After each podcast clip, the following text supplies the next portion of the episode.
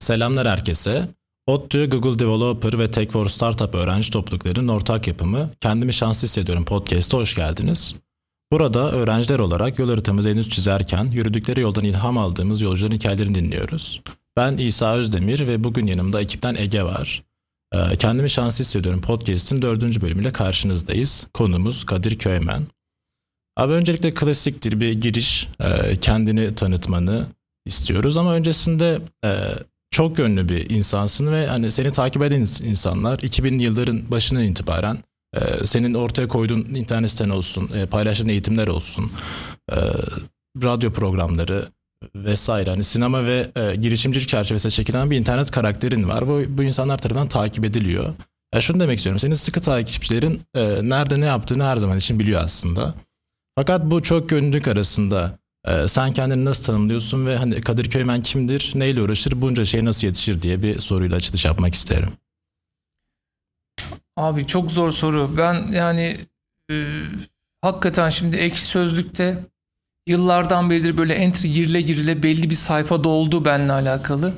Ve başını okursan ne alaka dersin şu anda yaptığım şeyi. Yani ben orada kısa filmcilere eğitim vermek falan gibi bir yerden eğitim bile değil yani işte YouTube bile yokken biz kısa filmlerle uğraşıp onları nasıl yaptığımızı anlattığımız eğitim sayfaları falan yapıyordum, uğraşıyordum.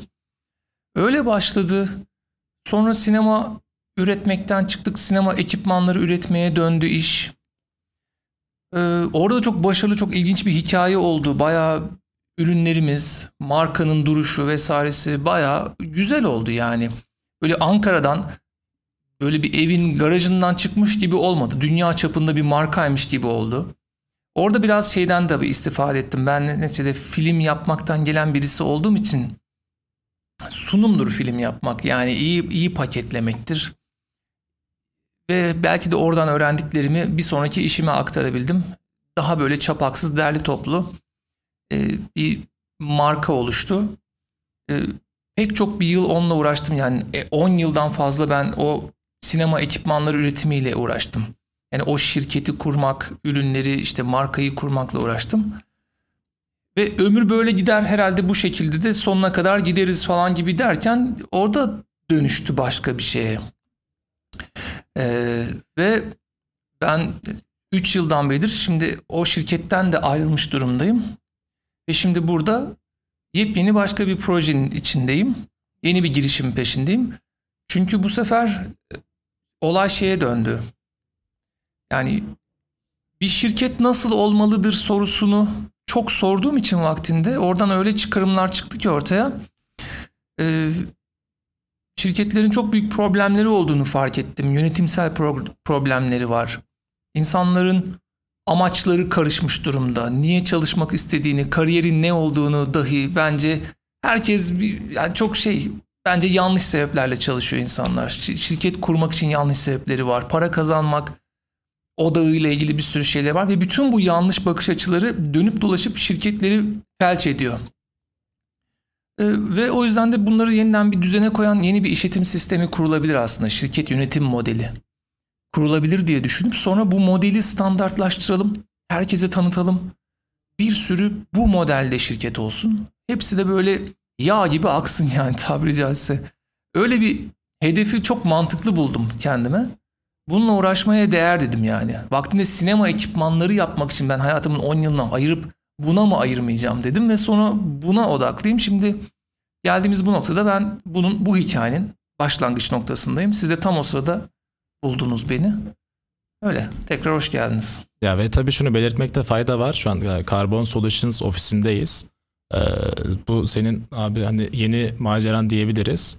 Haziran evet. itibariyle de hayata geçirmeyi düşünüyorsun. Evet Haziran'da başlayacağız. Gerçekten beta versiyon tabii o da yani ama yine de başlayacağız. Hayırlı olsun diyelim bize şimdiden. Teşekkürler. Biz şimdi biraz daha kronolojik gitmek istedik. Hı hı. O yüzden yani bu kısımlar için de sorularımız var. Ben şimdi başka bir şey sormak istiyorum. Daha e, kariyerinizin erken basamaklarında. İngiltere'de Nottingham Üniversitesi'nde eğitim almışsınız.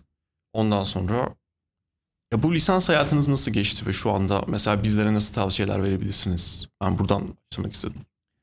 İngiltere Nottingham Üniversitesi'nde e, imalat mühendisliği ve işletme diye bir bölüm vardı.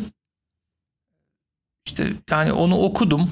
Çok bilinçli bir tercih değildir benim için o. Yurt dışında okumak da çok bilinçli bir tercih değildir. Ben e, yani bunları düşünen, buna plan yapan, bunları bunlara göre istekleri olan bir insan hiçbir zaman değildim.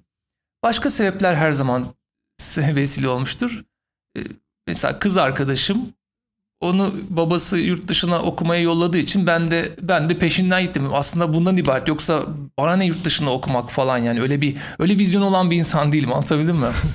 Ama gidince şok oldum yani. Orada aslında neymiş bu? Ya başka bir ülkede başka insanların kurabildikleri düzeni görünce şok şok edici oldu yani. Ee, onu söylemem gerek. Ama yine de okulu öyle çok da ciddiye alarak okumadım. Çünkü ben hep dediğim gibi çocukluğumdan beri aslında sinema, film çekmek falan buna çok takmış durumdaydım. E, o yüzden kameradır. Hele ki internet çıktığından beri e, yavaş yavaş internet kendisini gösteriyordu benim üniversite okuduğum ilk yıllarda. Web sitesi açabilmek falan filan hepimizin yapabildiği bir şey olmaya başlamıştı. Ben bunlarla uğraşıyordum yani. imalat mühendisliği falan benim hiç ilgimi çekmiyordu. Okula gitmiyordum, derslere katılmıyordum. Çünkü katılım mecburiyeti yoktu bölümde. Ve o yüzden de böyle notları ancak geçer not neyse o kadarını alacak kadar odaklanıp dersleri o kadar puanlarla notlarla geçip yani dedim yani bir yandan da işte aldık mı diplomayı aldık falan gibi bir şey oldu benim için.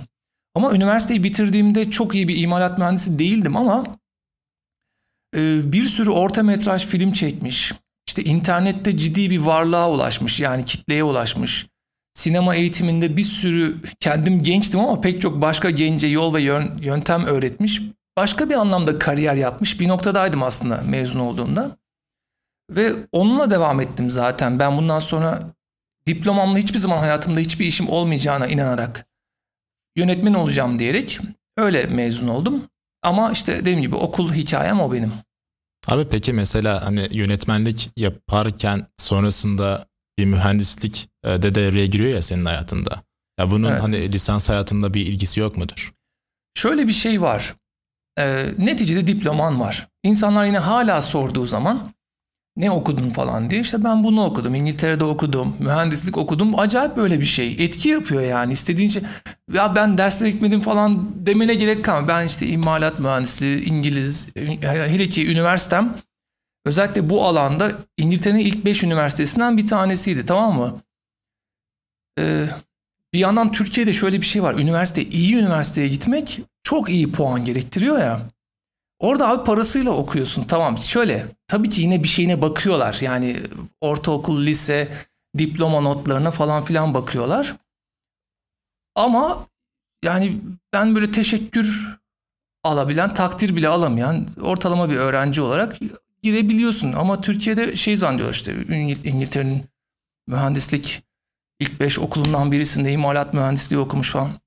Neyse biraz neye dönüşüyor biliyor musun? Bir bu güzel bir şey demek ki kapıları açabiliyor. İnsanların senin bir, bir sebeple daha dik, dikkat etmesini, daha kale almasını falan sağlıyor.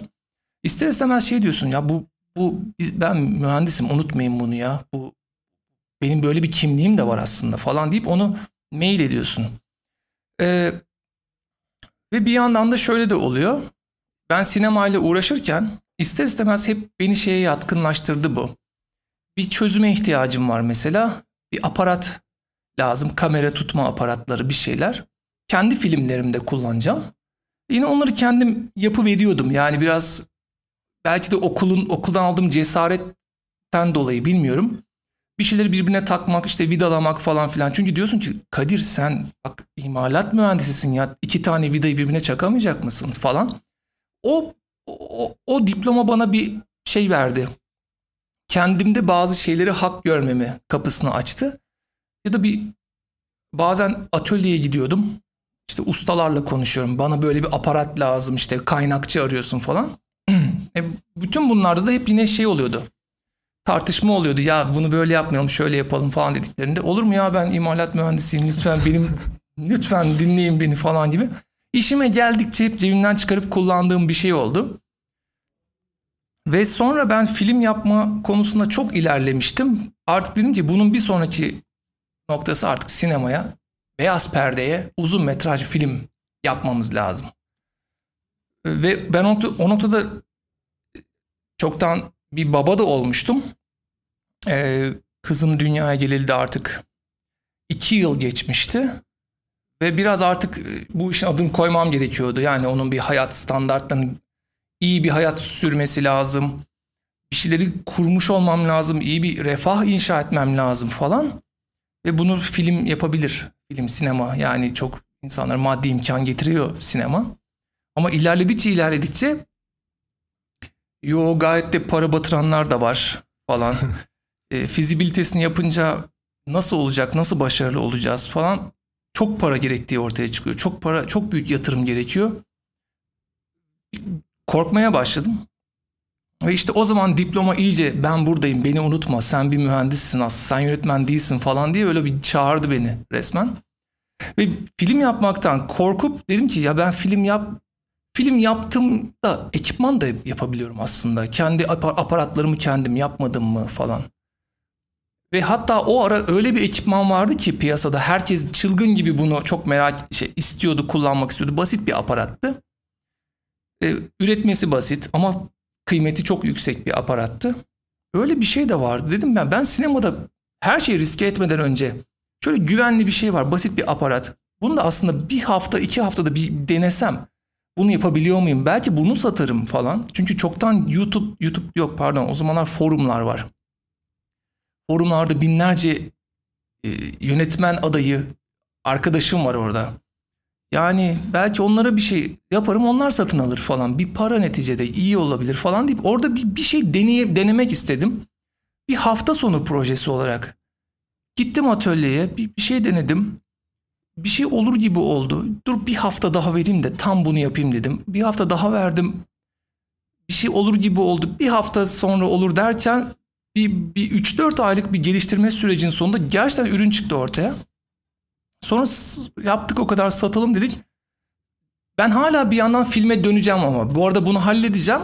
Filme de döneceğim ama sonra asla dönemedim filme. Çünkü bir kere sattıysan ben de ciddiye alıyorum bu işi yani. insanlar memnun edeceğiz. Paralarını aldık. Şimdi hakikaten tatmin olmazlarsa olmaz. O müşteri odaklılık şey yaptı yani. Bayağı beni e, uğraştırdı. O yüzden konu şeye döndü. Diplomama sarıldım imalat mühendisi olduğuma geri döndüm. Ve e, tamamen artık bu işin tasarımını yapmak, üretimini yapmak, onu optimize etmek falanla uğraştığım yıllar başladı. Ve sinema bir ukde olarak kaldı.